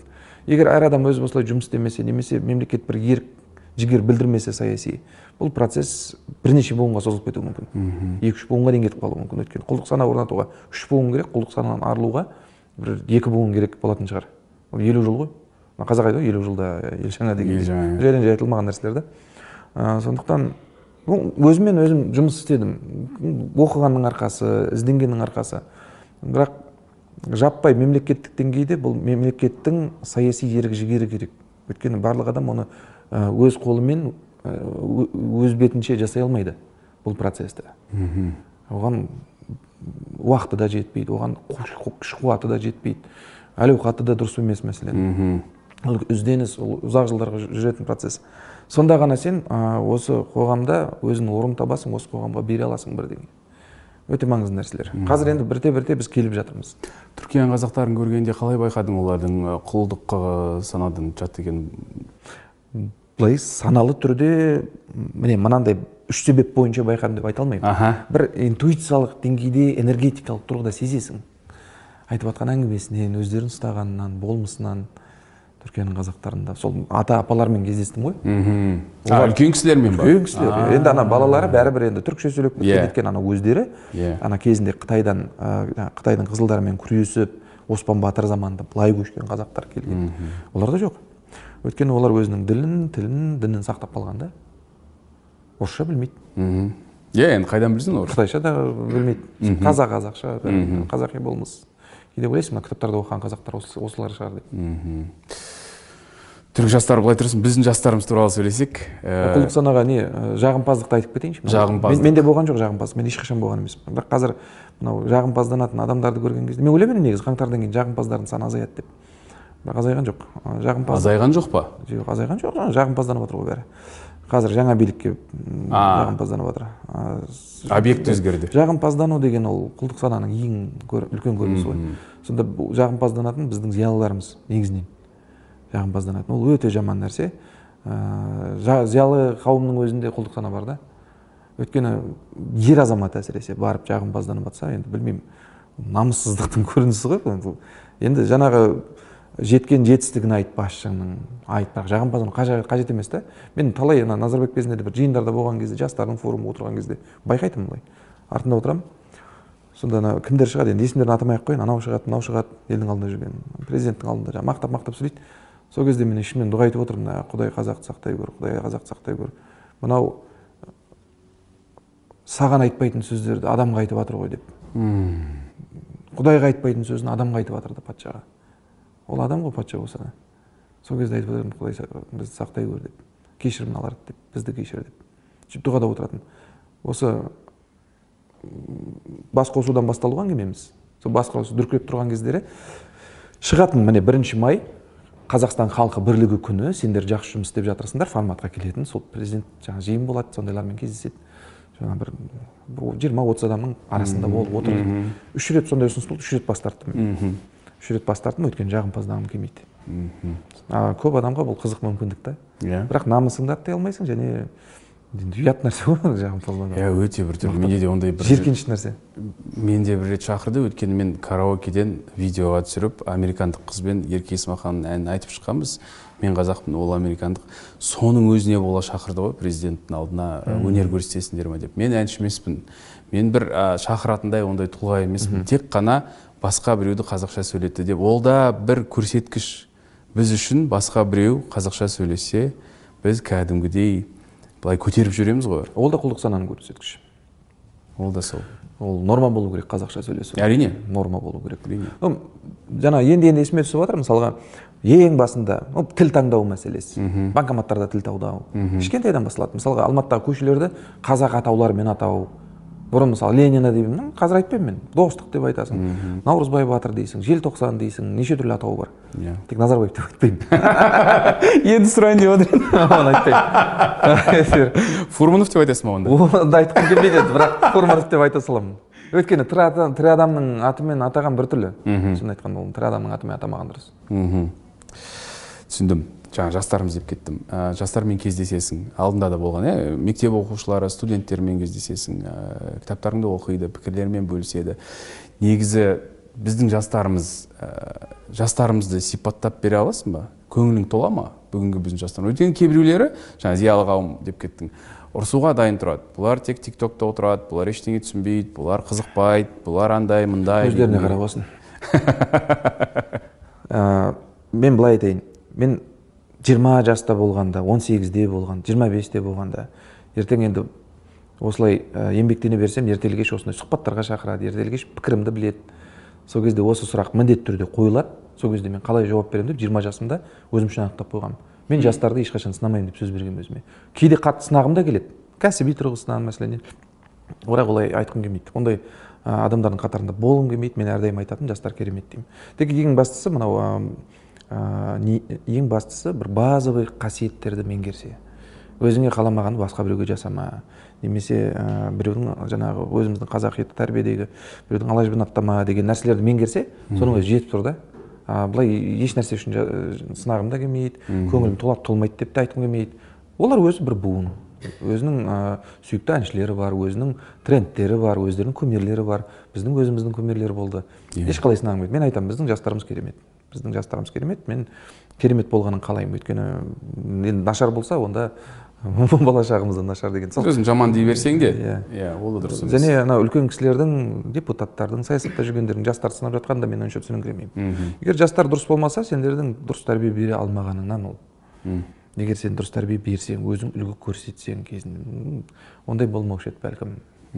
Жаңа өзің айтып кеттің мына кадрдың сыртында мен ә, білген жоқпын бірақ сен қазақ жігіттеріне арнап бір үндеу ретінде ә, бір пост шығардың иә? Ә, қазақ жігітіне елу қалай қалай айтадың елуден мақал бар ғой анау қазақ қызына қырық үйден тыю деген сосын ойладым енді? қырық тыю бар бір жерде бір пост көріп қалдым да біреу ерінбей сол қырық тыюды жазып шықты.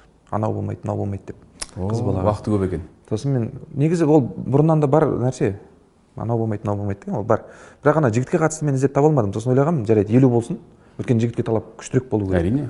Сөйтіп мен елуге елуін жазып шығайын мысалға. Ну жалқау болма қазір есімде жоқ. Елу нәрсе жаздым. Ол кәдімгідей әлеуметтік желіде қатты тарап кетті қатты тарап кетті. Жігіттерге әрине жаққан жоқ.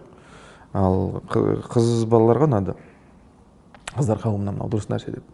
Өйткені жігіттер өзін тәрбиелеу керек. Өте қатты. Сонда комментарийлер қызық болды.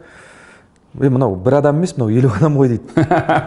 Мынау адам емес мынау елу қасиетті бойында ә, меңгере алған болса бұл әулие адам ғой бұл періште адам ғой дейді. Жоқ ол жұмыс істесең еңбек етсең оның бәріне жетуге болады. Мәселен ә, бір сырттан ғайбаттама ол оңай нәрсе. Жұмыс істесең оған қол жеткізесің. Немесе өсек айтпа немесе бірдеңе. Вот солар бар. Сосын көп ол үш жыл бұрын ба шығарғанмын қазір есімде болмай тұр. Лентамда бар былай. Артқа қайтарып алса алғаш рет сен осы менің каналыма келгенде қонақ ретінде сол подкастқа шақырдым. Ол ә, әйел құқықтары жайлы болған ә, феминизм деп атадық. Бірақ негізі одан да ауқымды тақырып қой. Ә, мына жаңағы сен айтып отырған реакцияң жігіттердің ер адамдардың мына постқа реакциясы негативті реакциясы. Ә, неге қалай ойлайсың неліктен біздің қоғамда қазір ә, әйел ә, рөлі соншалықты төмен болып көрсетіледі. Қараңғылықтан ғой барлығы. Не деп айтуға болады басқа? Білімнің жетіспегенінен.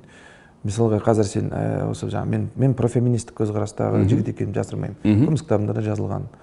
Бірақ бізде сен профеминист кішкене дұрыс түсінбейді сен жаңағы бір жат нәрселерді қолдап кеткен несің анау мынау дегендей. Біздің алаш арыстарының өзі әйел теңдігін қолдаған адамдар ғой. Талап еткен иә. Оны оқымаған білмегеннен болып тұр да. Абайдың өзі көтерген бұл мәселені. Сондықтан оқымаған білмегеннен болып жатыр да бұның барлығы. Мен ана бір видеолар таңғалдырады. Мысалға бір жігіттер дардай тепсе темір үзетін жиналып алып видео түсіреді бір қыздарға қатысты иә иә сен мықты болсаң сенің облысыңа бөлінген бюджетті жеп жатқан әкіміңе қарсы коррупцияға қарсы видео түсірсеңші. Сен өзің айтқан маразм ғой мынау. Маразм ғой. Сен жет, жеткен жерің сол да тек әйелге ғана жетеді енді ол білмеймін. Ә, неге? Мысалға коррупция бар ма? Коррупцияға қарсы жиналып айтыңдар ма? Коррупция. Немесе басқа да бір әділетсіздік нәрселер болып жатыр әділетсіз болып жатқан. Жоқ оның үстіне мысалы үшін бір ә, әйел кісіге ә, зорлық зомбылық көрсетілетін болса ең алдымен әйелдің өзін кінәлаймыз. Әйелдің өзін кінәлайды. Сен осылай киініп шықтың сен өзің оған қалай киінсе де зорлық жасаған адам жауапты ғой. сол ғой. Зорлық жасама. Ол оңай нәрсе на самом деле. Мысалға енді ашық шашық киінетін қыздар бар. Мен қарамаймын. Мысалы алдымда ана баспалдақпен көтеріліп келе жатса қыз бала болса мен менде стандарт автоматты түрде мен көзімді төмен түсіремін. Мен қарамаймын. Ол біліп тұрған жоқ. Мен өзім біліп тұрмын там жаратқан біліп тұр болды. Жаса болды. Мен ойым ал енді жалаңаш кетіп бара жатады зорлау керек па онда? Мысалға жаңалықтар шығады ғой мысалы. Сондай жалаңаш кетіп бара жатыр иә. Жаңағы сен жануарсың ба? Мақұлықсың ба? Енді жаңағы юбкасы қысқа болды деп жаңағы өзі зорланып жалаңаш өтіп бара жатқан зорлап зорлап тастайсың ба? Елу адам шабуыл жасап жануар емессің ғой ол адамның жаңағы киінген өз еркі. Өзінің жеткен может деңгейі шығар. Өзінің еркі шығар. Сен өзің үшін жауаптысың ғой. Зорлау зорламау өзіңнің еншіңдегі мәселе ғой. Рахмет. Бұл пікір үшін көп рахмет. Екі қыздың әкесісің иә. Сегізде және сегізде үлкені кішісі үлкені асылжан сегізде кішісі несібелі алтыда. Алтыда. Және де қыздарыңмен бірге саяхаттауды ұнатасыңдар мен отбасыммен саяхаттауды отбасыңмен иә? жолдасыңмен әрине иә. Иә отбасыммен саяхаттауды ұнатамын өйткені ертең жаңағы өмірден өткенде өзіңмен бірге алып кететін естеліктер деп ойлаймын мен. Естеліктер жақсы болғанын қалаймын да сөйтіп отбасыммен көбірек уақыт өткізгім келеді. Естеліктер көбірек жинағым келеді сосын ол бір бақытты болуға да жақсы нәрсе да. Отбасымен демалатын бір сосын жылына бір рет мен қыздарыммен алма кезек сапарға шығып тұрамыз екеуміз. Аха.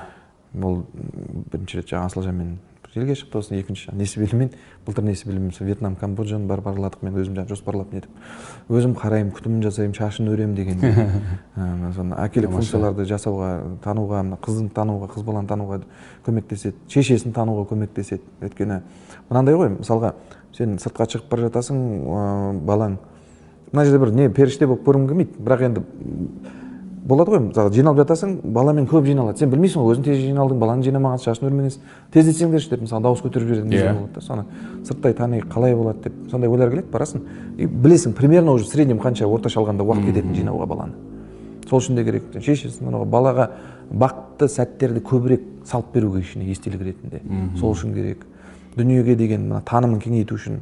Біреулер айтады ақша болса біз де шығар едік дейді. Мәселе ақшада емес. Мен ақша жоқ кезде алматы облысын араладым алматы облысынан мен алматыда алматы мысалға біреу бір көрермен қазір маңғыстауда шығар маңғыстауда керемет орындар бар өте керемет орындар мен маңғыстауда жүргенде таңқалғанмын ана таксисттермен барған кезде сенің арқаңда шерғаланың жанына келіп көрдік қой дейді да елудегі не таксист та қанша жыл жанына өтеміз ойыма бізде де ондайлар бар ғой медеуге ешқашан көтерілмеген шыңбұлақты көрмеген алматы шерқалаға бар аңызын айтып бер алматы облысына бар аңызын айтып бер сонда сен мына сенің жерің кең екенін сенің жерің сондай кең байтақ оның табиғаты керемет сенің әрбір өлкеңе қатысты аңыздары керемет екенін бала кезден солай қалыптасып ол кәдімгідей жұмыс тәрбиелік. Сол жұмысты жасау керек. Ол сенің әкелік борышың. Вот енді ары қарай жұмыс еңбек етіп қазір жемісін көрген соң шетелге шақырамыз оған не проблема бар? Yeah. шетелге шыққан алып барасың шетелін көрсетесің деген. Бәрі тәй кішкентай нәрседен басталды ғой бізде де. Ең бастысы ниет бұл жерде. Ең бастысы ниет дұрыс тәрбие беруге. Жоқ оның үстіне не деген керемет мүмкіндік балаңды жақсырақ тереңдеу тану үшін. Алматы тым шыға алмасақ алматының жаңағы жиырма музейі бар. Иә. Yeah. алып барсайшы мен yeah. тілендиевтің музейіне бар. Тілендиев туралы айтып бер. Мәселен жаңағы ықылас музейі бар дегендей. Мына жерде абайдың домбырасы тұр. Мына жерде жаңағы кімнің кімдер бар еді? Өзіміздің дина нұрпейісова бар солардың домбырасы тұр. Дина нұрпейісова туралы айтып бер. Кім болды қалай болды дегендей. Еңбек ет ниет ниетіңе қарай бере береді ғой. Мен оны жасамаған соң жұмыстар мен ана комментарийді байқаймын да. Е сенде ақша болса біз де шығарайық дейді. Мәселе ақшада емес. Ол енді қырыққан әңгіме ғой ол негізі ештеңе айта алмаған адамның жауабы. Иә өйткені өзі талпынып тырысып тұрған кісі емес екені бірден байқалады. Өйткені егер сен балаңмен әйеліңмен уақыт өткіземін десең варианттар толып жетіп жатыр ма? Жетеді жетіп жатыр иә. Ол тек қана сылтау. Әйел демекші жолдастық туралы көп айтпайсың көп көрсетпейсің. Екі аккаунтты көріп шықтым көп емес. Суретте бар. соңғы кездері ғана сала бастадым. Иә соңғы кездері ғана. Ә, неге олай? Енді отбасым мен үшін ең қымбат нәрсе. Қымбат нәрсені бір көрсете беруге ол ырымшылдықтан емес бір көз тиіп кетеді ау деп. Мен ырымшыл адам емеспін. Бірақ бәрібір өзінің жаңағы ортаң болған соң бәрібір аса бір қатты көп көрсете берудің қанша қажеті бар дегендей былай былай мынандай ұстаным жоқ. Мен көрсетпеймін жасырамын бәрін. Иә. ондай жоқ. Көз тимесін иә себебі келген кезде сурет салып нетесің жазасың түсіндіресің дегендей. Менің жолдасым ә, балет әртісі осы мынау өзіміздің алматыдағы абай атындағы опера балет театрында жұмыс істейді. Мхм өнер адамы. несімен бауырап алды енді оны былай санамен түсіндіру қиын ғой. Санамен түсіндіру ол бір химия болады сезім болады ұнатасың жақсы көресің сөйтіп екі мың он бірінші жылы қосылдық. Содан бері мінекей екі қызды тәрбиелеп келе жатырмыз еңбек етіп. Керемет. Мына отбасы дегенде мен үшін бақытжан бақытжанның жеке тарих дегенде өте бір қызық кезең иә период десек. Оны бірінші біздің подкастымызда сен айтып кеттің. Мен ата әжемнің ата әжемнің қолында өстім деп. Ә, бүгін де айтып кеттің оны есіңе түсіріп. Ә, сөз шыны керек менде де ондай период болған. Бала кезімнен емес бірақ ә, әжеме көмек керек болғасын. Бір 12 жастан бір 16-17-ге дейін ба мектеп бітіргенге дейін ау деймін әжеммен тұрдым. Және мен үшін ол ә, бір оңай нәрсе болды деп айта алмаймын. Өйткені жасөспіріммін ә, өз үйімде тұрғанды ата анаммен тұрғанды ұнататынмын. Бірақ осындай енді мәжбүр болдық енді әжеме көмек болды. Әжем қатал болды ма? Жоқ жоқ мен әжемді өте қатты жақсы көрдім. Мені еркелетті керісінше. Ол жағы жақсы болды. Бірақ өз отбасыңмен ата анаңмен ініңмен болғанды қалайсың ғой бәрібір де? Иә сондықтан да мен үшін бұл бір қиын кезең болды. Біздегі бұл дәстүр ә, менің ойымша және де көптеген эксперттер айтады ол өте психоэмоционалды тұрғыда бір травма секілді және әсер етуі мүмкін балаға. Мүмкін емес ол былай да травма ғой. Ол травма. Өйткені ә, сені ата анаң енді ата әжең қаншалықты қатты жақсы көрсе де ерте ә, жетімсіреп қалатын сияқтысың. Өйткені ол кісілердің жасы үлкен иә? Енді өзің ата анаға қарағанда. Сосын мен инстаграмды оқып отырып мына постты көріп ә, кәдімгідей ә, жүрегіме қатты тиді. Ә, өзің жаздың. Мен немересінің үлкені болғасын атам атам мен әжемнің қолында өстім олардың тәрбиесін көрдім. Күләш әжем елу тоғыз жасында ерте қайтыс болды. Мен ол кезде он жаста едім. Содан бері үлкен үйдің бітпейтін жұмыстары атам екеуміздің мойнымызда болды. Мен бала кезде ыдыс аяқты бізге фейри келгенде келгенге дейін ыстық суда жуып көрген ұрпақтың және күрішті ауқат пісірген күндері ерекше қуанатынмын. Өйткені күрішті батырып қойған су ыдыстың майын оңай кетіретін біліп алғанмын. Деп ә, жалғастырдың айтып бердің атаң туралы айттың. Атаңның есімі бұқарбай сондықтан сен де бүгін бақытжан бұқарбайсың әжең туралы да айттың әжеңді қатты сағынасың. Өзі айтқандай мені еске түсіріп иіс шығарып тұрыңдар деп саған сондай сөз айтқан. Ол бір рет қана айтты. Қайтара алдым да ол кезде адам өледі деген нәрсені мен білмеймін. Сол кезде ондасың ол ауырып жүрді а? Сен ондасың жасың онда ол кезде. ол где то мен тоғызда болғанда айтқан шығар. Ол айтты мен жақында кетемін дейді мен қайда кетесің? деп сұраған мен кетемін жақында сені жаңа сұрайын саған жаңағы өтінішім болсын ертең мен кеткен кезде әрдайым тамақ жегенде әжеме тие берсін деп айтып отыр деді бір рет қана сұрады сол есіме алды әлі күнге дейін айтамын. Есімнен кетпейді. Ол несі да? Әжеме тие берсін деп. Ол өзі тәрбиелегенде де айтатын жаңағы ата бабаларға кеткен тие берсін деп тамақ же деп бісміллә деп соны сөйтіп тәрбиелеген ғой.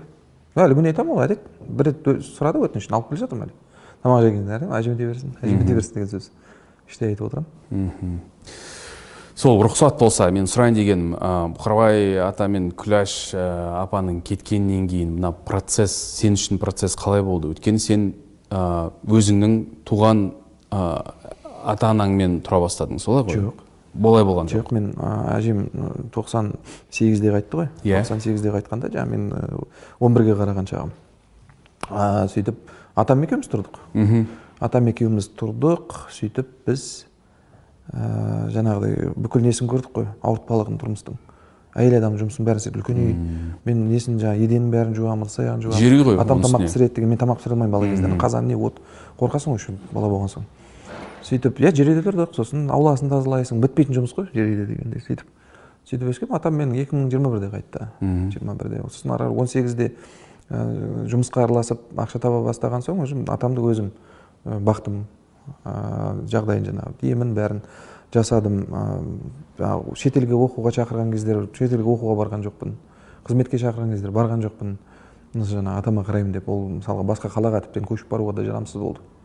Сыртқа шығуға дегенде ол жиырма бірде қайтты ә, сондай бір екі жыл бұрын қайтты ғой енді ол тоқсан тоқсанға келіп қайтты мхм ол кезде мен есейген адам ғой жиырма жоқ жоқ оны түсінемін ә, мен түсінемін әке шешеммен тұрған жоқпын аха олар сен үшін қарым қатынасқа келетін болсақ бүгінгі таңда ол қарым қатынас негізі қалай аталады енді біз 21 бірінші жылдан бастап әйтеуір бірдеңені құрып жатырмыз мхм. Енді ол жиырма бірінші жылы мен отыз төрттемін отыз төртке дейін болмаған нәрсе ғой. Иә енді атамыз қайтқан соң ақырындап нетіп папа мама деп әйтеуір ол балам деп олар сөйтіп сөйтіп құрып жатырмыз. Бұл дәстүрді тоқтату керек па? Меніңше бұл дәстүр иә қазір қаж- қажет емес сияқты ол дәстүр. Өйткені ол бәрібір де енді қызық мысалға. Әкеңмен сөйлесесің шешеңмен сөйлесесің папа мама дейсің бірақ отыз төрт жастан бастап айтқан бұл менің ғана проблемам емес мысалға. Тану қалай танымал адамдар бар. Олар да айтатын мәселен. Кемпір шалдың қолында өсті. Иә. бізде де тура осы проблема болды. Ә, шешемнің шешем екенін тек қайтқаннан кейін ғана түсіндім дегендей. Көп та айтатын нәрселері жоқ сосын басқа да сала бар ғой. Мына қалай береді өз баласын? Олар үшін де енді жастар үшін де ол өте үлкен травма ғой кәдімгі мен травма соны сұрамаппын қалай болғанын. Иә өте енді білмеймін қорқынышты дәстүр. Енді қазақта көп дәстүрлер бар өйткені ана. Кітап тұсаукесерін жасағанда да марғұлан сейсенбайдың қанша адам келіп аузына түкір түкір деп жатыр алдымызда иә. прям кәдімгі түкірген соң жоқ жоқ деп отырамын марғұлан жоқ жоқ деп. Кейбір дәстүрлер бар енді ол қалу керек дәстүр. Қалу керек. Қазір осыны айтсам қазақтың иә, озығы тозығы иә.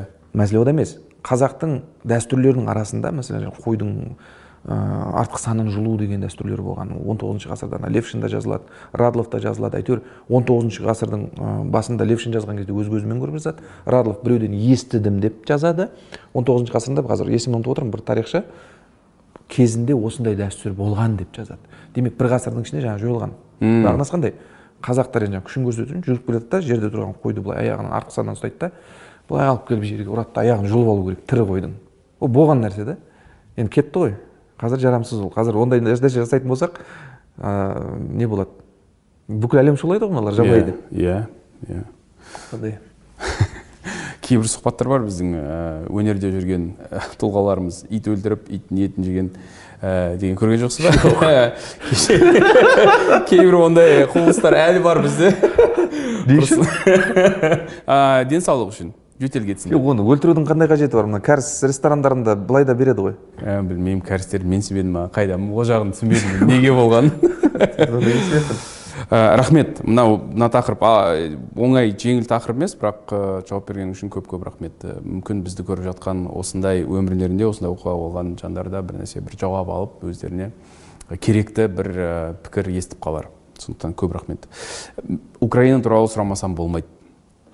Украина туралы сұрағанымда сенің пікіріңше әрине біз қашан аяқталатынын білмейміз. Бірақ аяқталғанда менің ойымша ресей қазірдің өзінде жеңілді иә? Әле, бүкіл әлемнің көзінде ресей жеңілген мемлекет. Бірақ соғыс біткенде қалай бітсе де бізге қандай әсері болады деп ойлайсың? Соғыс қалай аяқталғанына байланысты шығар. Қандай нәтижемен аяқталғанына байланысты. Украина жеңді дерлік енді украинаның өз жерлерін қайтарып жеңіске жеткені біз үшін жақсы болады деп ойлаймын. Біз үшін өте маңызды иә. Өйткені мына кім де айтты ғой? Бұлар егер украинаны алғанда тоқтамаушы еді украинамен. Өйткені лавров та айтты лавров сыртқы істер министрі yeah. біздің келесі нысанымыз молдова деп өз сөзінде айтты. Молдовамен де тоқтамайды ғой есімде есімде. Сондықтан өздері айтып отыр ғой. Қазір ойларын жасырмайды ғой олар. Бәрін айтып жатыр сондықтан украинаның мына көп белсенділер украина тек өзінің азаттығы үшін емес біздің де егемендігіміз үшін күресіп жатыр дегендей. Мына қазақтардың осындай интуитивті тұрғыда саналы тұрғыда түсініп қаншама жаңағы көмек жіберіп жатқаны гуманитарлық көмек киіз үйлер тігіп жатқаны бұның бәрі жайдан жай емес қой. Сондықтан тілеушісіміз ғой украинаның енді. Негізі ресейдің ықпалысыз біздің өмір сүруіміз мүмкін деп сенесің ба қазақстанның. Әрине мүмкін. Ресейдің ықпалынсыз? Ресей болмаса дегендей ма? Болса да. Бола берсін үйренуіміз керек солай өмір сүріп. Үйренуіміз керек. Өзіміздің білімді адами капиталы дамыған қоғамға айналмасақ технологияны меңгерген білімді меңгерген біздің жалпы өмір сүруіміз проблема болады. Ертең мықты мемлекет ретінде. Соған жұмыс істеу керек соған қарай. Ә, қазір қарап отырсақ қазір қызық қызық заман келе жатыр. Білімді технологиялар дамыған қоғамдар өз орнын табады. Ары қарай. Біздің неміз білмеймін қалай болатынын тек білімді болсақ қана сол бірдеңе бере алатын жағдайға жетсек қана экономикамызды басқаша құрып ә, нарықтық экономика қалыптастырып демократиялық институттар қалыптастырып сол бағытта болашағымызды құра алсақ онда жақсы болады. Сондықтан да иә көрерменге айта кетейін оқыңыздар үйреніңіздер өз өзіңізді дамытыңыздар ал бізде бүгін бір септігін тигізейік. Өйткені бақытжан ә, құралақан келген жоқ иә. Ә, біздің бір байқауымыз бар. Байқау ережелері бірінші комментарийде болады. Оны оқып қатыссаңыз болады. Ә, жеңімпазды бақытжан өзі таңдайды. Ал ә, әкелген бүгінгі сыйлықтары ә, бақытжан өзің айтып берсең. Мына жерде енді мен қазір баспагерлік ағартушылықпен айналысып жүрмін деп айттым ғой. Бұл жұмыстың барлығы осы кітаптан басталды. Кітап күміс кітап деп аталады. Баспагерлік жолға түсірген кітап осы. Бұл кітаптың бір ерекшелігі көп жас оқырманның білімге деген жалпы кітап оқуға деген құштарлығын оятты. Бұл кітаптың негізгі жаңа жауап беретін сұрағы қазіргі заманда қызығырақ альтернативалар бар кезеңде мысалы ютуб сияқты иә? Yeah. кітапты не үшін оқу керек деген сұрақтың жауабы бар мында мхм. Және мынаның ішінде жазылған дүниелерді оқыған адам бәлкім жылына жүз кітап оқи алатындай жағдайға жетіп қалады. Ал енді жүз кітап оқыған адам өміріндегі өзгерістерді бірден сезе бастайды ғой. Мхм. Сапалы түрде үлкен өзгерістер болады өмірінде сондықтан міне осы кітап. Біріншіден күміс кітап иә. иә жаңа бірталай рет атап өттік қой алаш демократиясы деген кітап. Қалай көрсетейін былай ма камера алаш демократиясы деген кітапты да ала келдім. Ә, бұл кітап оптимистік сарындамын алаш арыстары не нәрсеге сенді? Бұл, бұлардың көтерген мәселелері әлі күнге дейін өзекті. Алаш арыстарын демократ деп алатын болсақ бұлар қазіргі біздің замандастарымыздан да асып түсіп отыр ғой жүз жыл бұрын өмір сүрсе де. Соның ә, солардың ойлары ә, ескірмеген әлі күнге дейін өзекті. Бұны біз білуіміз керек. Бұлардың мұрасын біліп ары қарай іліп әкетіп жалғастыруымыз керек. Көзі ашық адам болсын қатардағы адам болсын мінекей осы кітапты сол үшін шығардық. Мына руслан ақмағамбет деген ә, саясаттанушы ғалым ә, біздің жаңағы жолымызды қуып жүрген бес жас кіші менен сонымен бірлесіп дайындаған жоба мынау. Керемет. Бұл кітапты тоқаевқа дейін кіргізді. О! Президентке дейін иә. Қолтаңба қойып бергем тоқаевқа осы кітап. Оқыса болды. Күшті. Оқыса болды. кірген кітапты оқиды ғой енді ол кісі? Күшті. Оқитын адамдар ғой олар да мынау ә, қазақстан тәуелсіздігіне отыз жылға арнап шығарған ә, біздің айналымдағы монеталарымыздың ә, жиынтығы осындай альбом. Мхм. Мінекей осындай бір енді. Ерекше бір сыйлық болсын деп алып келдім. Әдемі символикалық мәні бар. Керемет қатысыңыздар және де мүмкін осы керемет кітаптар және де мына ә, ерекше сыйлық ә, сізге бұйырар. Комментарий оқыңыз белсенді болыңыздар. Әңгімеміздің соңында тағы бір сұрақ қояйын. Соңғы сұрағымды қояйын иә. Бақытжан қазақстан идеалды демесем де мінсіз демесем де бірақ соған жақын мемлекет болу үшін не жетіспейді бізге? Идеал мемлекет па? Идеал мемлекет бола алмаймыз. Идеал болмасақ та бірақ енді өз азаматтары үшін ә, мен осында тұрамын бұл менің елім мен нағыз мына ә, түп ә, түсініктегі патриотпын. Мен бұл елге жұмыс істеймін дейтіндей ә, азамат қоғам болатындай ел болу үшін. Біз бүгін көп, көп мәселелерді көтердік қой. Иә. құлдық сананы көтердік. Жаңағы ағартушылық. надандық мәселесін көтердік Иә. дегендей. Ә, бізге қазақстанда ең тапшы нәрсе ол жауапкершілік. Жауапкершілік жетпейді. Мына қоғамдағы вообще мықты мемлекетті анықтайтын айқындайтын нәрсе ол сол мемлекеттің тұрғындары азаматтары. Азаматтардың сапасы қаншалықты жоғары болса қаншалықты азаматтар мықты болған сайын соншалықты мемлекет те мықты болады. Бұл мемлекет деген бір абстракты ұғым емес қой. Иә. мемлекет ол бізбіз ол мемлекет ол біз. Демек мен өзімнің мына практикамнан байқағаным бізде жауапкершілік жетпейді. Мен жаңағы жұмыс істеп жүрген адам ретінде байқаймын ғой. Жауапкершілік мен осы туралы көп ойландым неге бізде жауапкершілік мәселесі ақсаңдап жатыр деп.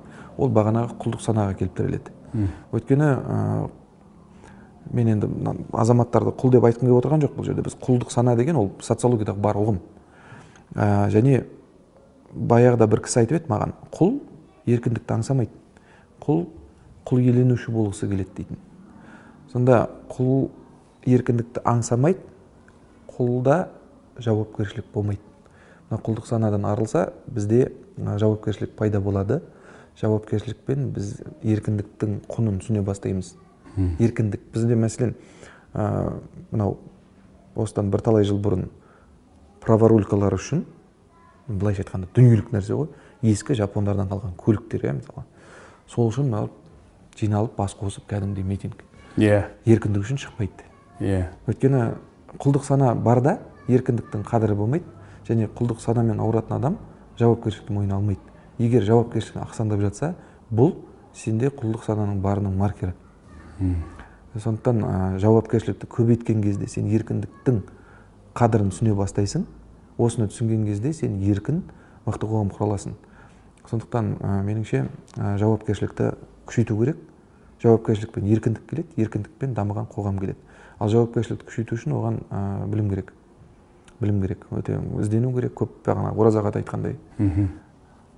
Бес адамның арманы арқылы бес адамдай бақытты бол бес адамдай жұмыс істе. Және бес адамдай ә, білім жолында ізденіске түс. Бес адамның жаңағы ізденісін жаса дегендей. Бір адамдікі де жетпейді. Уф бақытжан. Болып жатырмын рахмет. Рахмет. Көп рахмет. Бұл керемет жауап бұндай жауапты күтпедім. Көп көп рахмет бүгінгі уақытыңа келіскеніңе мына керемет сыйлықтарға.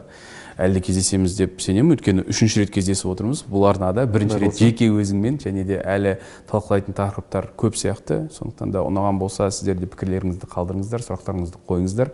Бақытжанның өзінің ютуб арнасы бар оған да жазылыңыздар. Жазған сұрақтарыңызды өзі бақылап жауап беріп отырады қол тисе. Әрине. Көп Иә. рахмет тимур. Өте ризамын. Елдегі ең мықты интервьюерлердің біріне сұхбат беру бұл мен үшін үлкен құрмет. Жоқ мен үшін құрмет. Көп рахмет бақытжан. Рахмет. Рахмет. Достар сіздерге рахмет. Есімім тимур балымбетов арнаға жазылуды ұмытпаңыздар. Сіздердің комментарий лайктарыңыз бізге өте қатты көмектеседі. Және де ә, әдеттегідей егер де аудио формат сізге ыңғайлырақ болса бізді бүкіл платформалардан таба аласыздар. Мен тимур балымбетов кездескенше сау болыңыз.